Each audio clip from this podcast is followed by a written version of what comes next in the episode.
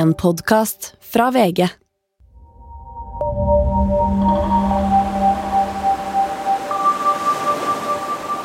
Jeg starter med at jeg og Brede vi reiser sammen ned med barna. Ligger en natt på hotell i NIS på hvert vårt rom hvert vårt barn. Leier vi en bil, og så kjører vi til det stedet de er.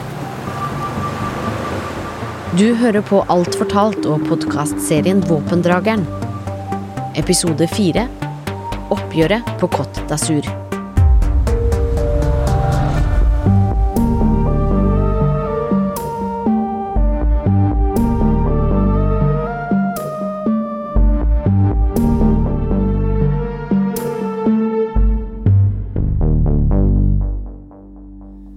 I juli 2017 var Addiktologiakademiet under angrep.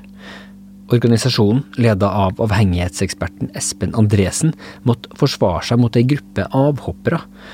Om bare fire uker skulle det behandles et søksmål mot Kartselskapet, bedrifta til Andresens høyrehånd, Laila Mjelheim. Andresen samla akademimedlemmene rundt seg. Et trettitalls av dem reiste til Côte Asur, sør i Frankrike. Brede og Sara hadde betalt 72 000 kroner i tillegg til reiseutgifter for å få være med på addiktologisamlinga. I Frankrike fortalte addiktologilederen, ifølge Sara Scott, sine klienter at han nå var sliten.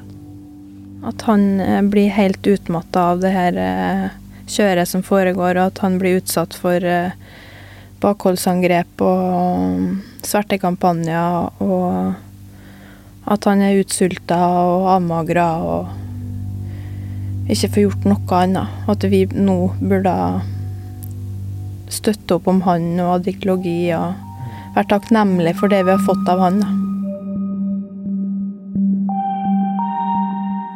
Sara var fortsatt med i adiktologiakademiet på dette tidspunktet, sjøl etter at ektemannen hadde tvunget gjennom at de to skulle gå fra hverandre, og etter at hun skal ha blitt pressa på et møte hvor Brede, Espen Andresen og Laila Mjeldheim var til stede, til å betro hele sitt tidligere seksuelle liv til svigerfaren sin.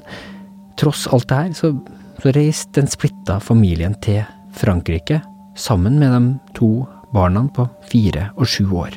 Vi sier at det er et slags sånn resort, der eh, enkelte enhet, man eier enkelte enheter, og så er det noen som er utledet. Så sånne små franske hus med golfbane og basseng og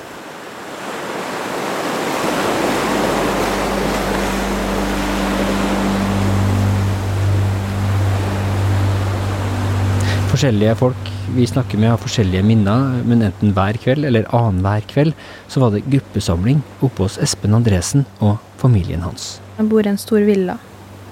Så vi reiser opp til han hver kveld og sitter i ring og, og dele om prosessene våre og det vi er i, og hvordan det føles og De samla seg ute på plassen foran huset.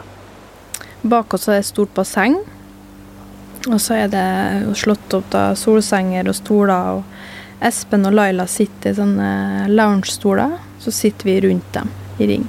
Sitter på alt som det går an å sitte på. Krakker og kjøkkenstoler og solsenger og De her samlingene roterte, ifølge dem vi har snakka med som deltok, mellom å være idémyldringer om hvordan de kunne stoppe avhoppere, og å være intense, åpne terapitimer.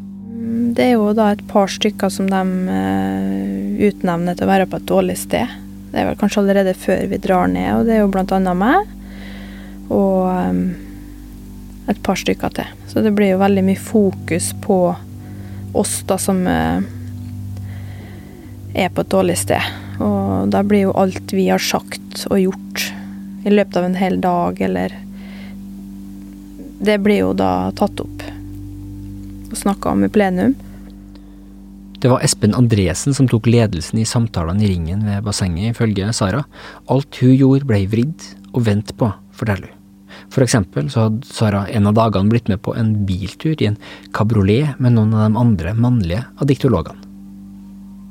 Det er jo Espen som snakker mest. Og så er det jo da Espen kanskje gir ordet til noen, og hva tenker du om det her? Så da kunne jo han gi ordet til Brede. Hva tenker du om at Sara allerede er ute på vift og henger seg på de her guttene. Får lov å sitte på med dem til nærmeste by. Så kanskje han som kjørte, får beskjed om å fortelle om hva ubehagelig det føles å bli brukt til, til det. Mm. Så det blir jo veldig ubehagelig. Det er kjempeubehagelig, som å svetten sile og selv etterpå så er det jo reaksjoner fra de andre. På hvilken måte? Nei, at du kan gjøre sånn mot Brede nå, og du oppfører deg på den måten her. og har ikke eh, realitetsgrep lenger og er helt Håndterer ikke barna mine. Det, I løpet av den turen da, så har et av barna våre reaksjoner på at uh, vi er der vi er, da, at vi holder på å gå fra hverandre. At uh, nå skal vi hjem, og du skal bo ei uke hos mamma, ei uke hos pappa. Viser det i form av at han er sint på meg, ikke på de andre, ikke på Brede eller andre, men på meg. Og jeg kjenner jo med en gang at det er, det er ikke så uvanlig. Det har skjedd andre ganger at jeg tar det som et tegn på at han er trygg og tør å vise følelsene sine til meg. Da. Men det blir vridd og, og på og, til at jeg ikke klarer å håndtere den. At jeg ikke klarer å være tydelig nok med grenser.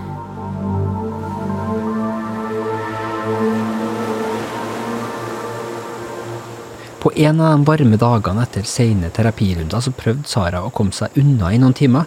Hun hadde med noen andre planlagt ei reise til Monaco, en kjøretur fra der de bodde. Men hun ble ringt opp av Laila Mjeldheim, som ba hun om å avlyse turen og heller møte i villaen. Sara troppa opp på et rom i huset, forteller hun. Og Laila og Espen ber meg komme bort til dem. Da ser jeg at eh, Laila har en eh, iPhone til på bordet. Som eh, Det er tydelig at hun prøver å ta meg opp. Det er sånne spiker. Det er akkurat som hun prøver å ta meg opp. Og da snur hun telefonen, og så vil de gjerne at jeg skal snakke om eh, min morsrolle. Om det er sånn at jeg virkelig kan håndtere barna mine. Om jeg syns sjøl at jeg er en god mor. og det, De vil frem til at jeg skal si at jeg ikke klarer det her. At jeg ikke håndterer det å være mamma. Og det, de får det ikke til. Får meg ikke til å si det. Og i samme rennet da, så spør de meg om eh, hva jeg kan gjøre for å bli bedre mor. Og da vet jeg jo hva svaret er. Det er mer kurs, mer eh, utdanning og flere grupper. Sånn at jeg kan ta enda mer ansvar for å bli en god mor og et godt menneske. Laila kom senere til leiligheten hvor Sara bodde, med kontrakter. Om det er tre eller fire kontrakter. Jeg har aldri fått kopier på dem, så jeg vet ikke hvor mange jeg har skrevet ned på. Som Sara forteller, så ble hun bedt om å sette over omtrent 100 000 kroner på en konto. Vi i VG har sett kontoutskrifta for denne transaksjonen. Og så prøver jeg å lure meg unna med at eh, på nettbank i utlandet så får du jo ikke overført mer enn 50 000 i gangen. 49 000, tror jeg det. Så jeg prøver å holde igjen den siste summen, da. Så det betaler jeg inn når jeg kommer til Norge.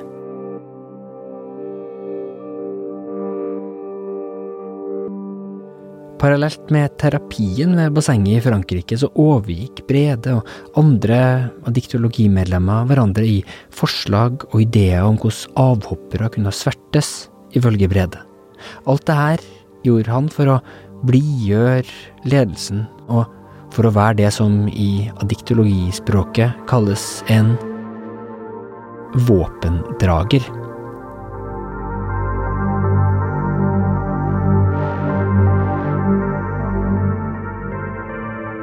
Altså det, Våpendrager er jo på en måte en som gjør noe. Altså Ikke bare sier at han gjør noe, men hvis du sier at du skal gjøre noe, så gjør du det. Da er du en våpendrager i Altså, hvis du sier at du skal anmelde noen, og ikke gjør det, så blir du sett på som feig. Hvis du sier at du skal anmelde noen, og går ned og anmelder noen, så er du en våpendrager. Og det er i faget òg. I adiktologiboka. Det er en som gjør det han sier. Særlig rundt avhopperen Bjørn Ivar Nordstrøm, den unge mannen som vokste opp på en gård et sted på Østlandet, ble det samla historier og beskyldninger. Nordstrøm den tidligere kollegaen til Lisbeth Sogn, hadde forlatt akademiet og Kartselskapet kort tid etter hun, og han skulle vitne i den kommende rettssaken hennes mot selskapet. Rett før adiktologene reiste til Frankrike, så ble det klart at også han ville saksøke Mjeldheim, og at han stilte krav direkte til Andresen om å få penger tilbake fra akademiet. Historiene og påstandene om Bjørn Ivar Nordstrøm ble i hovedsak tatt fra ting han skal ha sagt i gruppeterapitima. Han delte at han hadde utført en sånn grov kriminell eh, handling. Og det viste seg jo at han ikke hadde gjort det. Det er jo bare noe han fant på. Og det har jeg også gjort, for å liksom virke ærlig og liksom gå, være en som er ærlig. Og det, da blir du sett på som modig. I, og det? Og det kan, jeg tror alle kan kjenne seg igjen i av de som har slutta der. De har sagt et eller annet de faktisk ikke har gjort. De beskyldningene Brede og andre diktologer retta mot Nordstrøm, de gjentar ikke vi her i podkasten, for de er så alvorlige og uten noen form for dokumentasjon. Brede gjorde det han kunne for å hjelpe Laila Mjeldheim gjennom å skrive en erklæring om hva Nordstrøm skal ha sagt. Nei, Jeg begynte å diskutere det med Laila. Ja, det er fint, det må du bare få liksom uh, Få skrevet noe om. Lag en uh, sånn uh, Hun kalte det ikke rapport, men på en måte et vitnesbyrd. Du må lage en eller annen dokumentasjon. E-poster VG har fått tilgang til, viser hvordan påstander, manipulerte tilståelser, forvridde halvsannheter ble samla inn.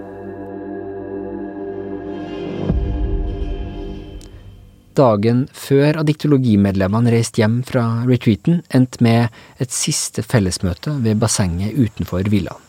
Laila og Espen satt i loungestolene. Blant deltakerne satt som alltid Brede. Men Sara var ikke der. Den aller siste session, da skulle vel Sara komme, så kom hun ikke. Fordi hun drev og pakka med barna og skulle ordne og styre. Jeg skulle ta over dagen etter.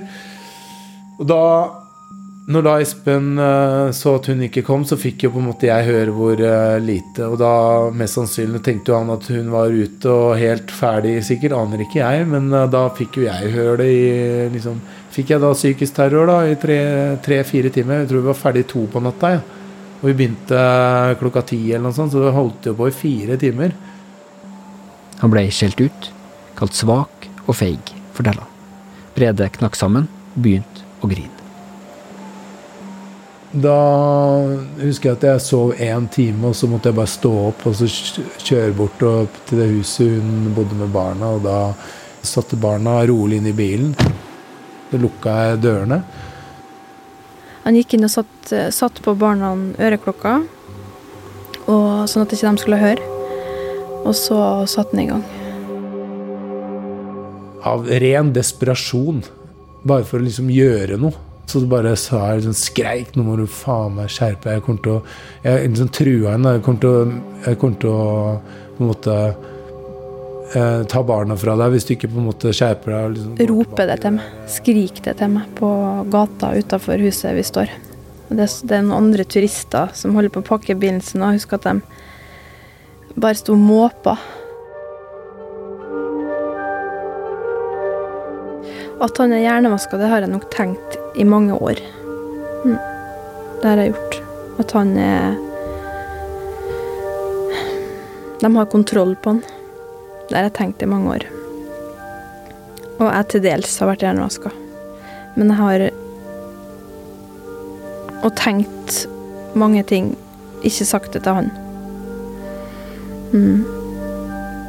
Det har jeg nok gjort lenge. Så jeg ser hva frustrert han er. Og hva han er livredd. Det ser jeg. Han er helt vettskremt, utslitt. Ja. Denne sommeren var det ti år siden Sara og Brede første gang møttes i Oslo. Da var Sara 18. Nå var hun ei redd tobarnsmor på 28. Tilbake i Oslo så søkte hun for første gang hjelp. Så jeg har et møte tidlig i august med en advokat som jeg kjenner litt fra før. Jeg involverer litt, han litt i hva som er blitt sagt, og hva jeg er redd for. Og han sier også første gangen jeg er der, at uh, du burde gå rett på Deichmanske og leie alt du finner om sekter. For det her er ei sekt.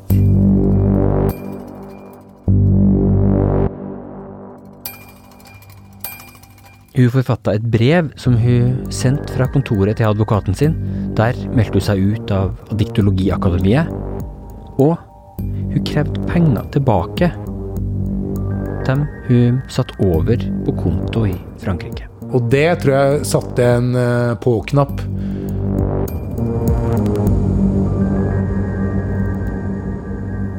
Etter at Sara hadde sendt dette brevet, ble Brede kalt inn på teppet.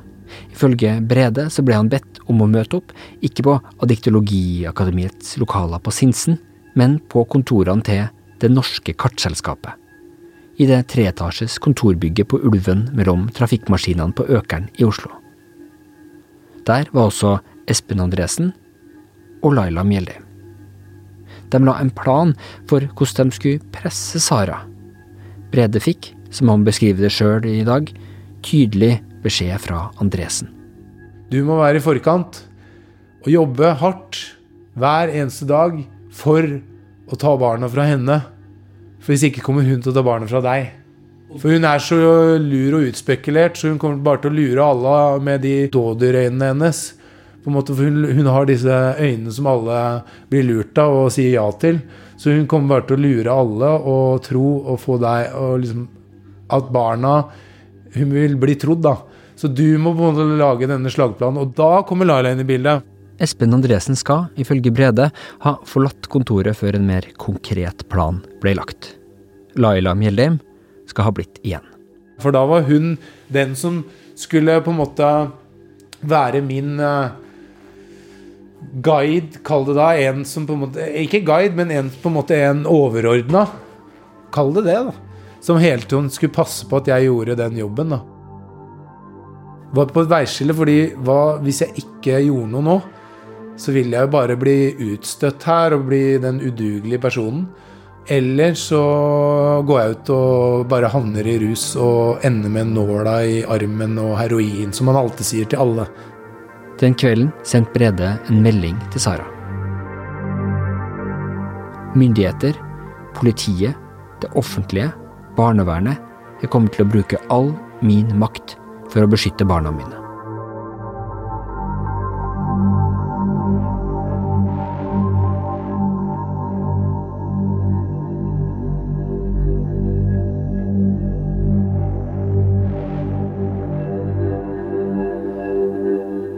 Mjeldheim og Andresen vil ikke uttale seg om de konkrete påstandene som har kommet frem i denne episoden, men advokaten deres, Øystein Storvik, uttaler seg generelt om Andresens eh, påståtte rolle på telefon. Så, så han kjenner seg ikke igjen i, i, i, i noen av de beskyldningene?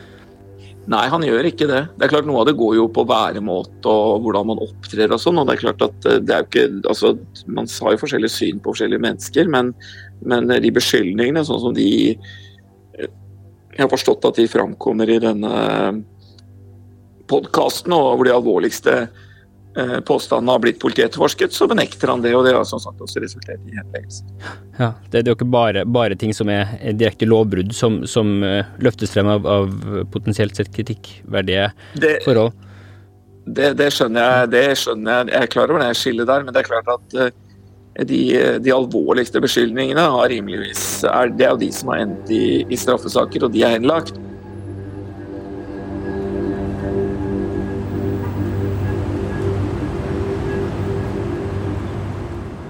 Omtrent samtidig med at Sara Scott krevde tilbake penger fra Adiktologiakademiet, 5.8.2017, så møtte en mann med en bukett tulipaner opp utenfor en teglsteinsbygård ved ei rundkjøring på Bjølsen, rett vest for Akerselva i Oslo. Det var hjemmet til Bjørn Ivar Nordstrøm, avhopperen fra Kartselskapet og Akademiet. Om fire dager så skulle han vitne i rettssaken til Lisbeth Sogn mot Kartselskapet, og han hadde sjøl varsla søksmål mot Laila Mjeldheim. Mannen som sto ved døra, hadde i tillegg til blomsterbuketten med seg en Nokia 105 SS. Det er en av de aller billigste mobiltelefonene du får kjøpt. Den ser ut som en gammel Nokia fra 90-tallet. Ved hjelp av tastene på den så knatra mannen ut ei melding. Hei, fra Floris. Kommer med blomster til Bjorn Nordstrøm. Det som så skal ha skjedd, har vi fra Nordstrøms uttalelser i senere politiavhør. Nordstrøm fikk meldinga og ringte opp igjen for å si at han dessverre først var hjemme om en times tid, og uansett, han forsto ikke hvorfor noen skulle sende blomster til han i dag. Han ba Florismannen sette blomsteren utenfor. Det sa budbringeren at han ikke kunne gjøre, ifølge Nordstrøm, underlig nok så var han så serviceinnstilt at han sa han kunne vente i området til Bjørn Ivar kom hjem, og levere blomsteren da. Klokka 19 så parkerte Nordstrøm bilen.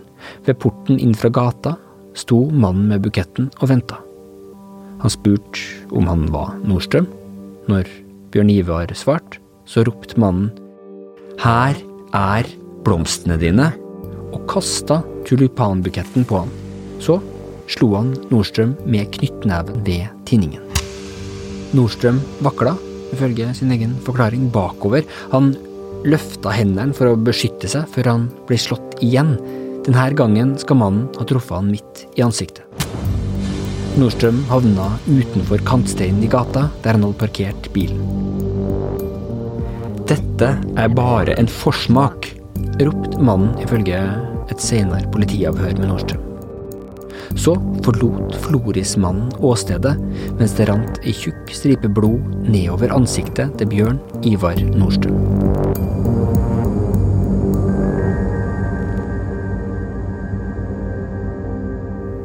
I neste episode så prøver journalistene Gordon og Erlend å lete seg fram til hvem Florismannen er. Og, og gjennom det finne beviser for hvem som kan ha sendt han. Jeg tar opp telefonen min, og så filmer jeg det med lyd. Og så, og så, og så når, når, vi er ferdig, så, så, så liksom jeg hysjet på han og sier jeg, du, dette bare må vi ha! Dette bare må vi ha! Og da får vi faktisk ta det med oss. Vi får ta med oss det opptaket. Da begynner vi å kjenne lukten av blomster og buketter, og vi tror at dette er Florismannen.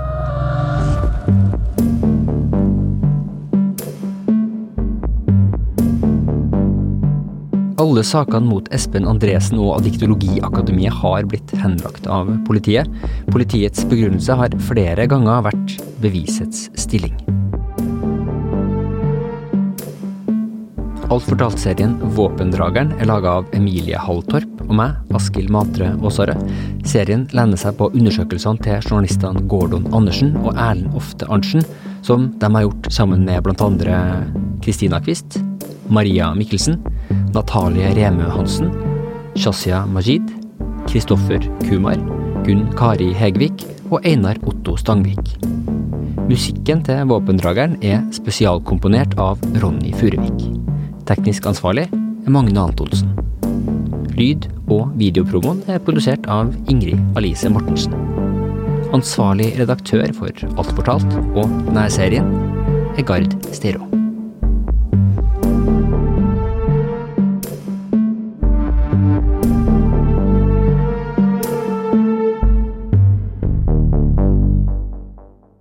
Du har hørt en podkast fra VG.